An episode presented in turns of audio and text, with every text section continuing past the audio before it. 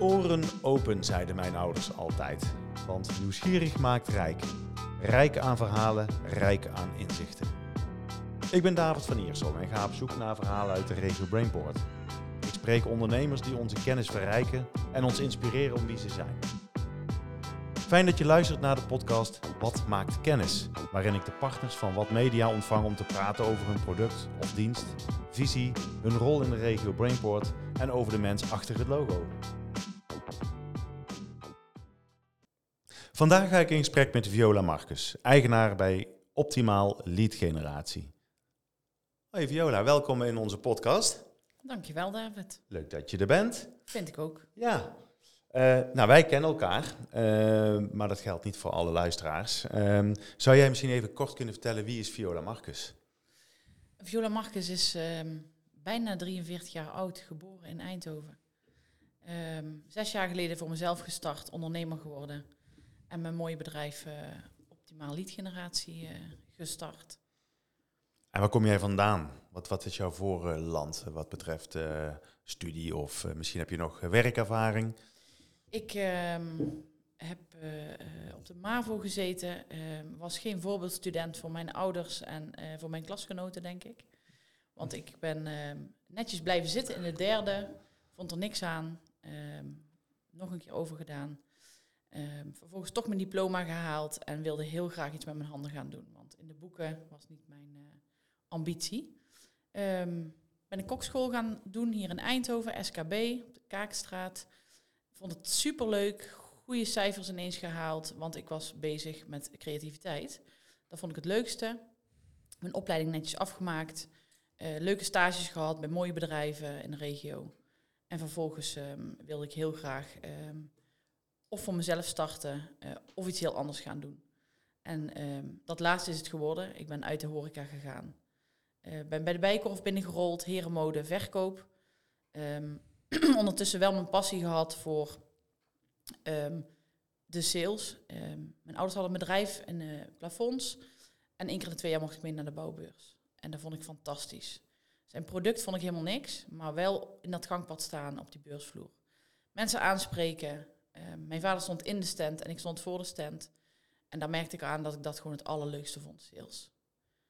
Um, ben uit de winkel gerold, in het zakenleven terechtgekomen hele andere tak van sport, debiteurenbeheer, uh, incassobureau, uh, deurwaarderskantoor, maar wel in de salesrol. Mm um, en vanuit daar ben een klant terechtgekomen die vroeg, wil je bij ons komen werken? Uh, en toen de stap durven nemen van, nou dan ga ik voor jou werken. Zes jaar geleden alleen begonnen optimaal werd geboren, zeg maar. Hey, en waar kwam die, die ondernemersdrang vandaan? Want je werkte in loondienst, zeg maar, en daar kon je ook, uh, of daar ontdekte je eigenlijk de sales. Nou, dat kun je natuurlijk ook in loondienst doen, maar wat maakt nou dat je dacht van, nou, dat wil ik toch gewoon liever zelf? Omdat er niks was zoals jij het wilde? Um, ik werkte in een team van vijf, vier heren en ik. Mm -hmm. en ik merkte gewoon heel erg dat die heren het op een andere manier deden als ik. Mm -hmm. Ik geloofde heel erg in, in het anders doen. En het ondernemerschap is me wel vanuit thuis meegegeven. En ik dacht, um, het stukje werkgeluk heb ik wel altijd gemist. Dus mhm. als ik ooit voor mezelf ga starten, vind ik het heel belangrijk om wel werkgeluk voor mijn mensen te creëren. Uh, en dat samen heeft er wel voor, voor uh, doen besluiten om te zeggen, ik zeg mijn baan op uh, en ik ga het gewoon doen. De stoute schoenen aangetrokken. En toen ben je zes jaar geleden begonnen. Ja, stoute hakken aangetrokken. En, de hakken, ja. En gegaan. Als vrouwelijk ondernemer. Ja, nou ja, ook dat. Daar wil ik dadelijk ook zeker uh, ook op terugkomen. Want nou, laten we daar mee beginnen. We maken het uit, je snijdt het nou aan. Wat maakt het verschil tussen vrouwelijk ondernemerschap en mannelijk ondernemerschap? Kun je daar iets over zeggen voor jezelf? Ja, ik wil mezelf daar niet mee in een hokje plaatsen. Ik ben ook niet zo van de vrouwenclubjes. Ik vind het juist ook fijn om, om uh, die bouwwereld waar mijn ouders in hebben gezeten, die bouwbeurs... Uh, oude jongens krentenbrood, dat vind ik heerlijk. Uh, niet zeiken, niet lullen, maar poetsen. Uh, niet kijken wat iemand aan heeft, maar juist gaan. Um, um, dus ja, ik denk dat vrouwen net zo goed aan de top kunnen zijn als mannen. Um, als je maar een drive en een wil hebt en, en een goed plan, een goed verhaal.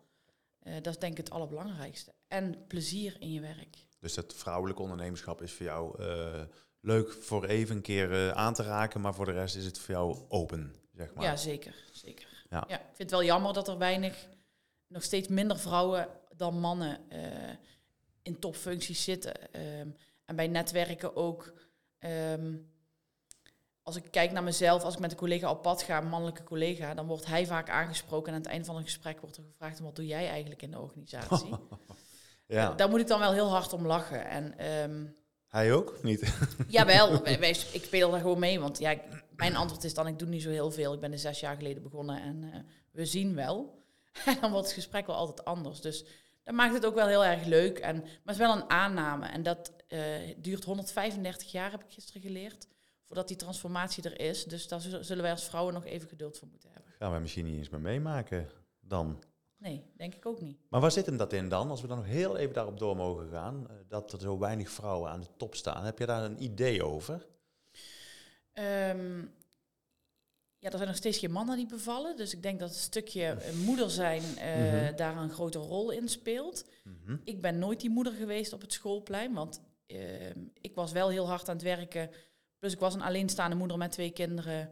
Ehm, dus moest ook wel voor brood op de plank aan het werk zijn. Hard werken. Kon niet parttime werken. Ehm, dus ik denk wel dat die verdeling daar nog steeds in zit. Dus dat die moeder op het schoolplein ehm, nog traditioneler is als die vader op het schoolplein. Je ziet het wel steeds meer. En papadag, eh of hoe ze het ook noemen. Ehm, maar dat heeft tijd nodig, denk ik. Ja, ik denk vooral de combinatie dingen los kunnen laten. Ik ben daar heel goed in, want ik heb mensen om me heen verzameld die heel veel dingen veel beter kunnen als ik. Ik ben maar in een paar dingen heel goed en de rest besteed ik uit. Ehm, ja, ik denk dat dat een stukje is. Een stukje combineren, goed gesprek met je kinderen aangaan. Waarom? Mijn dochter heeft een keer aan mij gevraagd, toen ik s'avonds zei, mama gaat nu weg. Ehm, waar ga je dan naartoe? Moet je nu, nu alweer weg? Toen heb ik mijn jas opgehangen, aan de kapstok gehangen, naast haar gaan zitten met mijn mobiel. En ik ging scrollen en ze keek me aan en ze zei, wat ga jij doen? Nou, hetzelfde als jou. Ik blijf thuis. En we gaan gezellig naast elkaar op de bank met onze telefoon zitten. Zeg, alleen dan gaan we wel één afspraak maken. Dat we dit jaar op vakantie gaan op een camping in Nederland in een tent. En ze keek me aan en ze zei, fijne avond, mam. en toen wist ik genoeg, want dat was het ook. Hard werken en hard genieten. Wij maken leuke reizen, maar er hoort wel bij dat ik ook wel veel weg ben. Ook in de avonden. En Mhm. ja, dat was meteen duidelijk. En die vraag is er ook niet meer geweest. En ben ik thuis? En dat is misschien mijn gouden tip aan de vrouwelijke ondernemer die daarmee stoeit. Ik heb thuis geen laptop. Als ik thuis ben, ben ik thuis. Mhm. Als ik het nodig vind om, om nog te werken, rijd ik terug naar het werk. En dan maak je die keuze. Dan moet het wel echt belangrijk zijn om terug te rijden, anders kan het wachten tot morgen. Dus ja. ik, ze weten dat ik twee avonden in de week thuis ben. Welke avonden weten ze nooit van tevoren. Maar dan doen we ook echt wel leuke dingen. Maar anders is het gewoon een gescheiden wereld. Ja. Je hebt je, je job, zeg maar, en eh, je privé. Ja. Ja, nou, helder. Mooi. En ehm, nou, dat zijn duidelijke afspraken die je thuis maakt. Maar eh, als ondernemer dan maak je ook eh, afspraken in je organisatie. Hè? Dus daar gaan we eh, de brug naar slaan, naar je organisatie. Ehm, hoeveel mensen werken er en hoe heb je het georganiseerd? Wat is de gedachte achter ehm, de verdeling van de mensen die je hebt? En, waarom heb je die mensen ook zo gekozen? Want je Ja. groeit hard. Ja, we groeien inderdaad hard. Is ook mijn ambitie. Mijn vader zei, zei altijd, Viool, begin alsjeblieft niet aan personeel. Ik ben blij dat ik dat wel heb gedaan. Hmm. Mijn mensen zijn eh, mijn kapitaal, mijn werkgeluk. eh, en ik kan dat ook voor hun creëren. Ehm, mijn allereerste personeelslid wat ik aan heb genomen was mijn collega waar ik tien jaar lang mee bij dat incassobureau gewerkt heb. Eh, we hadden nog steeds contact. Ehm, ik heb haar gevraagd om bij ons, bij mij te komen werken. Ze werkt ook nog steeds bij ons, daar ben ik super blij mee, waardevolle collega. Ehm, en het is eigenlijk zo gelopen dat ik mijn werk aan haar heb overgedragen, weer naar buiten ben gegaan waar ik me het beste bij voel. eh, en volgens mij ook het beste in ben. Eh, mij moet je niet heel de dag binnenzetten, daar word ik echt werkongelukkig van. Ehm, en zo is het gerold. We zitten nu op 20 plus eh, mensen. Dus hard gegroeid in zes jaar. Ehm, en we hebben allemaal mensen die hetzelfde DNA hebben als ik. En we hebben drie kernwaarden. Die staan voor optimaal. voor warmen, verleiden en verrassen. Eh, dat geldt voor mijn klanten, maar ook voor mijn mensen. En dat merk je gewoon. ehm, ja, het is een soort grote familie geworden van mensen die heel graag bij ons zijn. Ehm, ik, heb, ik heb echt wel werkgeluk gecreëerd voor hun. Met een mooie plek, maar ook met het andersom denken. Als je niet ziek bent, krijg je een verlofdag. Op je verjaardag ben je vrij. Dat vind ik allemaal wel belangrijke elementen. Die ik gemist heb in mijn ehm, ja, werknemerschap, zeg maar. Ja. Ja, want de, je noemde de drie kernwaarden. Dat zijn ook overigens de drie woorden die je hebt gebruikt in wat ehm, magazine, zeg maar. Klopt. Dus dat is echt de kapstok waaraan je alles op uh, hangt. Hè? Verwarmen, verrassen, verleiden. Ik hoorde jou trouwens net een iets andere volgorde zeggen, maar dat uh, maakt in de kern misschien niet zo heel veel uit. Nee. Um, hoe hard hou jij je vast aan die kernwaarden? Dat is echt de rode draad binnen onze organisatie. Want hoe breng je dat over naar de mensen? Um, als, wij mensen, als ik mensen aanneem, is altijd het eerste gesprek doe ik zelf. Dat is echt ook op mijn onderbuik. Pas jij bij de rest van mijn collega's? En op, op twee komt, ga je het werk leuk vinden. Um, want die sfeer is wel heel erg belangrijk. Um, alle mensen zitten met plezier bij ons. En de mensen die daarbij komen, moeten daar wel bij passen. En dat is denk ik het belangrijkste. En we verrassen ze door. Iedereen die bij ons begint, krijgt in de eerste week op vrijdag een bos bloemen. De eerste week zit erop tot volgende week. Dat is die verrassing. Um, ja, het verleiden is wel uh, um, je doelen anders inrichten. Denk eens na, je begint bij ons op een bepaalde functie, maar wat zou je toe kunnen voegen? Ik ben het ooit alleen begonnen, houtje touwtje, met een koptelefoon in mijn auto um, en bellen en rondrijden. Ik heb het wiel niet uitgevonden qua systemen of qua organisatie. Alleen qua sales is, is vooral het, uh, het stukje voor mijzelf. dus ja, daar, daar verleid ik ze wel in. en het verwarmen dat voel je wel als je bij ons binnenkomt. Ja, dat kun je niet altijd woorden aangeven. Dat is er gewoon. Ja, ja. ja mooi. Maar even terug naar, naar de kern. Want uh, optimaal lead generatie, uh, nou, je noemt het al, dat staat, sales staat centraal. Um, kun je eens verder uitleggen aan de luisteraars um, hoe dat jullie die sales bedrijven? Want daar zijn natuurlijk ook allerlei mogelijkheden in. Ja, ik geloof heel erg, je salesluik heeft eigenlijk drie lagen. Je bovenkant je netwerk, nou, ik zit bij een heel waardevol, fijn netwerk, 24 uur bedrijf. Daar haal ik uh, leads uit, daar leer ik mensen kennen, bedrijfsbezoeken. Dat vind ik heerlijk. Um, vind dat ieder ondernemer ook ergens lid van moet zijn om in ieder geval kennis op te doen, kennis te delen, uh, of je misschien je verhaal te doen en mensen te leren kennen. Dan heb je de onderkant van je salesluik, is je online. Tegenwoordig zonder website doe je ook gewoon niet meer mee. Dus hoe belangrijk is het dat je online zichtbaar bent? Dat kan op verschillende manieren zijn. Dat kan met een podcast, dat kan met um, Instagram, Facebook, net waar jouw klant zich bevindt. Um, als je begint met jouw product of dienst, dan weet je wel in welke hoek je klant zit. Dus zorg dat je ook zichtbaar bent. Alleen ertussenin zit een, een, laag. Um, dat is de koude acquisitie, vinden wij. Uh, daar zit een droomklant. En dat is een klant die je misschien niet gaat tegenkomen op het netwerk direct. En die niet op jouw website een aanvraag gaat doen. En hoe kom je daar binnen? Dat is eigenlijk het stuk wat wij hebben aangepakt, waar ik heel erg in geloof. Um, dus ben met alle drie de lagen bezig. En die middelste laag moet je wel anders gaan bestieren. Op een netwerk tref je mensen, deel je visitekaartjes uit of connect je via LinkedIn. Plan je een koffieafspraak, ga je langs. Op het moment dat hij uh, waarde ziet, belt hij je, kom je in contact, dan wordt die klant bij je. Dat is goed. Dat is goed voor je business, voor de groei van je organisatie de onderkant van je saleslaag, die online ook super waardevol. Alleen als jij, jouw droomklant McDonald's is, hoe kom je daar dan binnen? Ga je die tegenkomen? Ik denk het niet. Gaat hij een aanvraag doen op jouw website? Ik denk het ook niet. Nou, wij werken, mijn eerste, allereerste project was voor een groot schoonmaakorganisatie. Um, ik ben met hem gaan kijken, wie is nou eigenlijk die droomklant? Voor wie zou je graag willen werken? Dus in welke branche, um, in welke grootte, in welk werkgebied in de organisatie? Nou, dat zijn we in kaart gaan brengen. Dat doen we voor al onze klanten. Wij gaan eerst kijken, wie is nou eigenlijk jouw droomklant? Als je die vraag stelt aan een ondernemer, moet hij toch altijd heel even nadenken. Vind ik heel bijzonder. Want ooit ben je begonnen met de gedachte dat je een bepaald bedrijf wil helpen met jouw product of dienst. Hou dat ook altijd voor ogen, want die droomklant maakt wel jouw werkgeluk. Ja, misschien is het af en toe ook wel de gedachte dat je een grote naam wil hebben, maar is het in de essentie niet je droomklant? Nee, want ik, ik vind de definitie van een droomklant een klant waar je het meeste aan verdient, minste energie kost, meeste energie oplevert. Als je daar binnen je huidige portefeuille kijkt naar wie voldoet daaraan, dan weet je in ieder geval in welke branche, in welk werkgebied en hoe groot die organisatie mag zijn. Nou, op basis daarvan maken wij een adressenlijst. En dan gaan we kijken, wat is het onderscheidend vermogen van onze klant? Er zijn weinig Willy Wortels in deze wereld, alles is er al. Maar hoe zorg je nou dat jij opvalt? Wat doe je anders? Nou, wij bedenken met onze marketingafdeling altijd een leuke gadget. Vroeger heette dat de bobbel in de envelop. Wij denken mee, wat is dan die gadget? Dat kan van alles zijn. We werken voor een organisatie die beveiliging van software doet. We hebben een USB-stick laten bedrukken met de naam logo erop. Die komt in een zwart doosje en het enige wat in dat doosje vermeld staat is: durf je deze in een computer te stoppen? Niemand gaat het doen. Maar op het moment dat je diegene benadert, dan moet hij lachen. Hij weet meteen waar het over gaat en je, je, bent, je valt op. Nou, het belangrijkste verschil tussen een callcenter, waar heel veel mensen bij leadgeneratie over nadenken bij koude acquisitie, um, die zijn er callcenters, zijn ook echt wel hele goede callcenters. Als je daar een fijn gevoel bij hebt, moet je dat ook zeker doen. Wat wij anders doen is, um, wij gaan eerst die adressenlijst genereren. Dus wij gaan niet met een adreslijst aan de slag.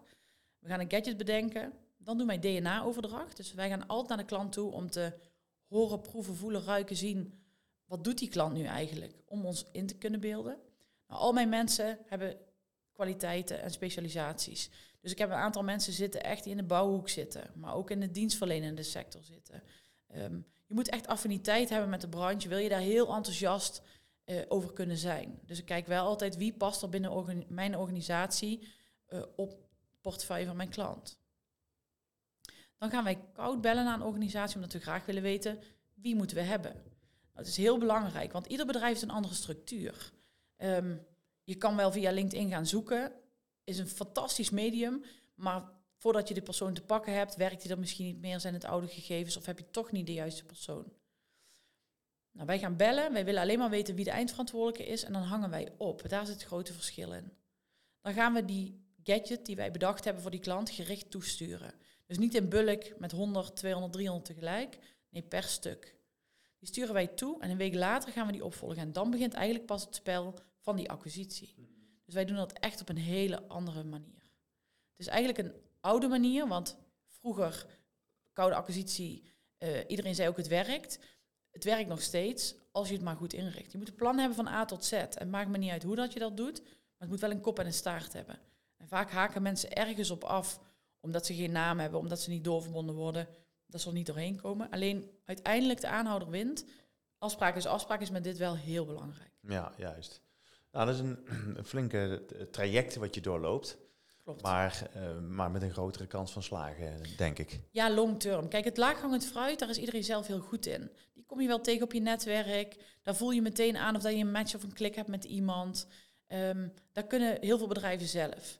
Alleen dat stukje koud en bij een droomklant binnenkomen of bedrijven waarvan je denkt, wow, daar zouden we graag voor willen werken, maar hebben geen ingang. Ja, dat zou je op een andere manier in kunnen steken. Mm -hmm. Dus eigenlijk netwerken moet je implementeren in je ondernemerschap. En niet Zeker. even erbij hebben.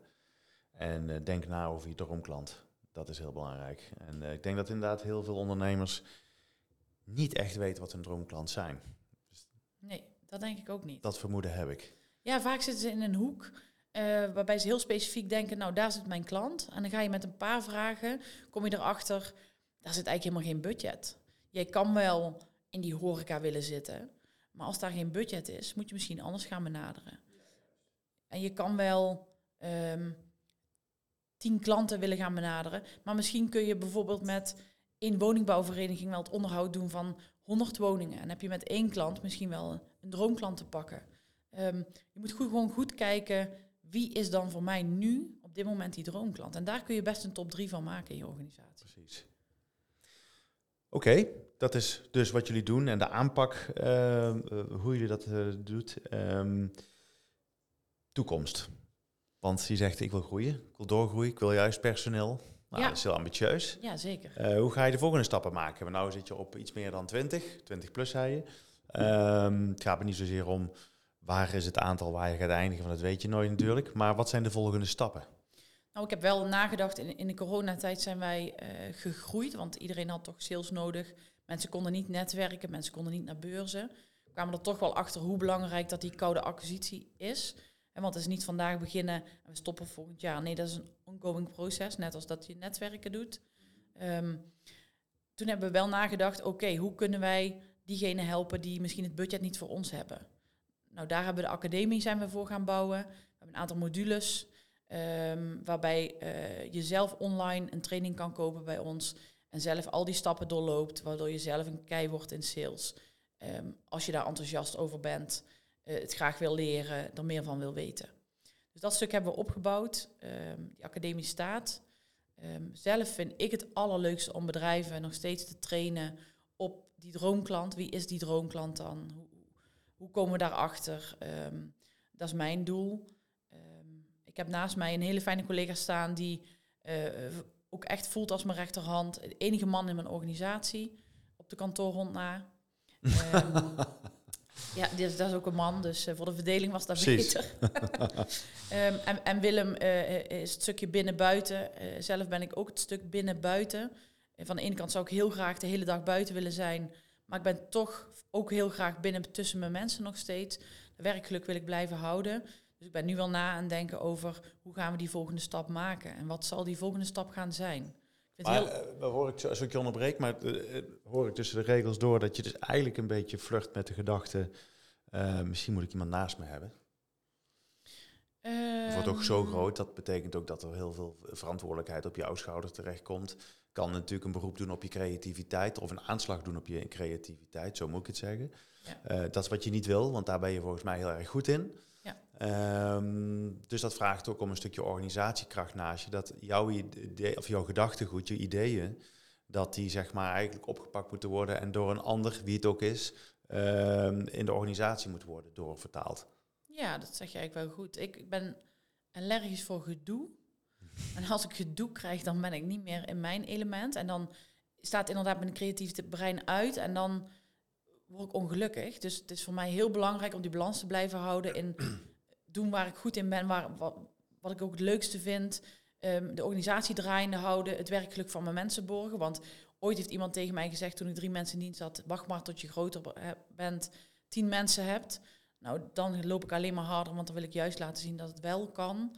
Um, daar geloof ik ook heel erg in. En mijn mensen ontwikkelen. Dus mijn mensen zelf um, ontwikkelen zichzelf ook steeds beter, komen met ideeën. En dat maakt er wel door dat mijn collega Willem um, ook wel echt naast me is gaan staan. En dat vind ik heel prettig, ja. Maar ja, je zegt je collega, maar het is nog geen partner. Nee, dat klopt. Daar, daar, zijn we, daar hebben we het wel over. en daar denken we over na. En, en we denken ook vooral in wat is het beste voor optimaal uh, daarin. Um, en voor de organisatie. En ja, daar, daar sparren wij veel over. En um, hebben eerst op het personeelsvlak zijn we weer gaan groeien, op gaan schalen. En nu het stukje naar buiten zijn we op aan het schalen. Um, en kijken dan weer naar die volgende stap. Oké, waar willen we verder in groeien? Wij willen ook het liefst alleen maar werken voor droomklanten.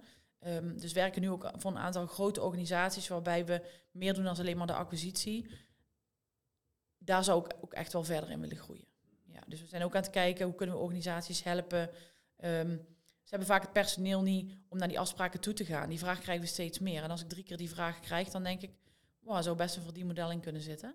Dus daar ben ik samen met Willem ook wel over na aan denken. Van kunnen wij niet mensen aannemen en opleiden om juist naar die afspraken te gaan? Ja, maar jouw handen jeuken gewoon. Want je hebt eigenlijk de basis voor uh, optimaal de afgelopen jaren compleet neergezet. Dus het fundament staat en, en meer dan dat.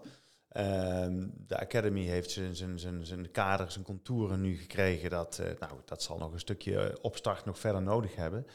Maar ik hoor tussen de linies door dat je nog bruist van uh, die ideeën. Dus dat, uh, dat betekent dat je dus gewoon ja, zoveel mogelijk daarmee bezig moet gaan zijn. Want jij kan niet blijven hangen in oude principes en oude gewoontes. En, vervallen in routines. Ja, dat klopt. Ja. Dus dat, Mijn lat ligt altijd te hoog en dat vind ik heerlijk. Nou, waarom zeg je het woordje te? Ja, ik moet er net niet aan kunnen. Als ik erbij oh, kan, wil ik weer door. Ik, ik, je hebt een hakken aan? Ja, maar die hakken zijn nooit te hoog, want dan ben ik veel te groot. dus ja, weet je, eh, een van mijn dromen was uh, een bedrijf. Toen was een van mijn dromen als ik vijf, over vijf jaar met z'n vijven ben. Um, toen was een van mijn dromen, ik kwam bij een mooie organisatie, kwam binnen, kwam ik enthousiast terug op kantoor. In een saai, wit, klinisch hok. Dat ik zei, oh, ik ben ergens geweest, vet, scherm, dit, muurkleur. dit wordt mijn volgende doel. Dat pand is er nu. Ik vond het jammer dat het klaar was, want ik dacht, oh kak, nu is het klaar en nu. Ehm, dat heb ik wel nodig. Ja, Ehm, klinkt ook een beetje als rupsje nooit genoeg. mm, ja, misschien wel. Misschien ben ik wel die rups, maar dan met hakken. Maar je weet wat er met een rups gebeurt, hè? Dat ontpopt altijd tot een vlinder. Dus eh, Ja, misschien nou moet ja, je nog gaan dat. vliegen. Ja, misschien moet ik. eh, ja, ik ga binnenkort eh, het dak op, heb ik gehoord. Dus ehm, oh, Ben benieuwd. Ja, iets met partners en 24 uur en wat. En, Ja. nou ja, alles, nou, goed, ik weet van niks. Ehm, ja, dan gaan we even terug naar, want je had het over werkgeluk, over mensen. Ik, ik wil het nog eh, ook hebben over toekomst, althans, daar was ik net. Ehm, ik had laatst Rick Scholte gesproken. Eh, hij is van Sorama, ook een van de partners. Ehm, eh, althans, dat wordt snel bekend. Maar die zei van eigenlijk zouden we moeten werken met een zevendaagse werkweek. En toen de mensen eh, die met hem op dat moment spraken, die keken hem raar aan. Zo van, wat bedoel je daar nou mee? Hij zegt, van, ik wil eigenlijk dat de mensen die zo vastgeroest zitten in maandag tot en met vrijdag en zondag gaan we naar de kerk. Hè, want dat was natuurlijk hoe de industrie draaide. Maandag tot en met vrijdag was werken, eh, dus de arbeid. En zondag dan, eh, zaterdag ga je sporten en zondag ga je naar de kerk. Hij zegt, ja, we leven nu in een heel andere tijd. En eh, eigenlijk moet je de mensen de vrijheid geven om te werken wanneer ze maar willen. Al doen ze dat s'avonds of s'nachts of eh, al doen ze dat op zaterdag en zondag. Ze hebben een aantal uren voor jou te werken en waar ze die in stoppen of wanneer ze die eh, gebruiken, maakt niet zoveel uit. Wat vind je van die gedachte? ja, daar ben ik het helemaal mee eens. Alleen dat kan pas als iedereen dat ook doet. Want anders, als ik naar mezelf kijk voor de bereikbaarheid, die is nu van half negen tot half zes een beetje. Ja. Alleen wat ik nu wel al doe is, ik heb ook een aantal jonge moeders in mijn organisatie. Ehm, ik vraag altijd wanneer wil je werken als we bij ons beginnen. Want het heeft voor mij geen zin om op woensdag die moeder bij mij te hebben die met een half been op het schoolplein staat. Is het wel geregeld met mijn kinderen? Dat heb ik zelf wel gehad en dat wil ik dus niet. En dat wil ik ook niet voor mijn mensen. Ik heb liever dat ze er dan op maandag, dinsdag, donderdag zijn, want dan weet ik dat ze er zijn. Ehm, ja, en als die werkweek naar zeven dagen gaat, eh, graag. Want eh, dat dra- draagt eigenlijk weer bij aan het werkgeluk. Ik, geloof daar wel in. Eh, Ik bedoel, eh, als je kijkt naar, eh, ik denk vijf jaar geleden en nu, dat we eigenlijk altijd wel naar de winkel kunnen. Ehm, ja, dat is al wel een, verandering wat heel erg prettig is. Ehm, online is er veel te koop, maar in de stad op zaterdag is het nog steeds heel erg druk. Dus door de week wordt het ook steeds drukker. Dus ik denk zeker wel ehm, dat daar een mogelijkheid is. Alleen daar moet dan wel iedereen aan meedoen. Ja. je moet iedereen opleiden om daar, want dan, dan creëer je wel vrijheid voor een ieder. Maar het zit waarschijnlijk ook nog niet echt eh, in de mindset van heel veel mensen. Maar ik denk de jongere generatie meer. Ehm, familiebedrijf stond ook wel ergens in mijn lijstje dat ik dacht, oh, dat is toch vet als je een familiebedrijf hebt. Ondertussen ben ik een familiebedrijf, daar gaan we binnenkort ook een artikel voor plaatsen. Mijn moeder is 72, werkt bij mij. Mijn vader wilde stoppen. Ehm, mijn moeder niet. Dus mijn moeder duwde mijn vader vol met werk. En elke keer was er weer iets. En mijn vader dacht, shit, ik, wa- wanneer kunnen wij nou eens stoppen? Ik kreeg een Duitse klant en ik dacht, deze deal ga ik met mijn pa sluiten. Ehm, dus ik heb ook gezegd, nou weet je pap, eh, ik vraag of ons man bij mij komt werken twee dagen. Kun jij lekker stoppen? Dat is gelukt, ze werkt er nog steeds. Het project was tijdelijk, maar mijn moeder werkt er nog steeds. En ondertussen is mijn dochter ook begonnen. En dat is de generatie die zegt... Ja, als je op zaterdag open was, zou ik wel liever op zaterdag willen werken. Want ik wil misschien op donderdag wel met een vriendin op stap. Dat Dus- bedoel ik dus met die zevendaagse Ja. werkweek in principe. Hè? Snap Dus- ik. Ja, dus ik, ik geloof er wel in. Maar die generatie is nog te klein, denk ik. Ten opzichte van de generatie die nog vast zit geroest in zaterdag boodschappen, zondag eh, familiebezoekjes, et cetera. Ja, ja. Dat is denk ik die 135 jaar dat wij vrouwen misschien wel meer te zeggen hebben als jullie mannen. Eh, Als jullie Ja. mannen. Oh. dat dan zeg maar Oké. ook de zevendaagse werkweek er is. Oké, oké. Nou, het mooie is, we gaan in het nieuwe Wat Magazine gaan we het hebben over de generaties X, Y en Z. Eh, de verschillen daarvan en eh, wat eh, ja, dat ook eh, voor onze organisaties kan gaan betekenen straks. Ik denk dat het heel erg interessant is om eh, straks te kijken. Tot slot, want we zijn al eh, op het half uur. Ehm, nou, hoe ziet de toekomst van lead generatie eruit in 2030, maar vooral hoe ziet het optimale dan uit? Dan hoop ik dat ehm, ehm, ik al lang weer een ander leuk idee heb. eh, een nieuw bedrijf ben gestart met nieuwe ideeën. Mijn dochter, eh, mijn kleine mini-me, want dat zegt iedereen, ze lijkt sprekend op me. eh, dezelfde roots in mijn organisatie brengt met haar generatie mensen. Dat we nog steeds vol bezig zijn met droomklanten. Eh, eh, misschien wel weer op een nieuwere manier. Ehm, en ehm, dat ik ergens in een fijn huis met een eh, heerlijke, rustige omgeving ehm, op maandag binnenloop bij Optimaal en op vrijdag met een borrel afsluit. Nou, ik zeg proost. Dat klinkt wel op. Dus dankjewel Viola voor jouw bijdrage. Tot zover deze aflevering van Wat maakt kennis. Dank voor het luisteren. Blijf ons volgen op LinkedIn en Instagram en deel vooral je luisterervaring, zodat ook jij anderen inspireert.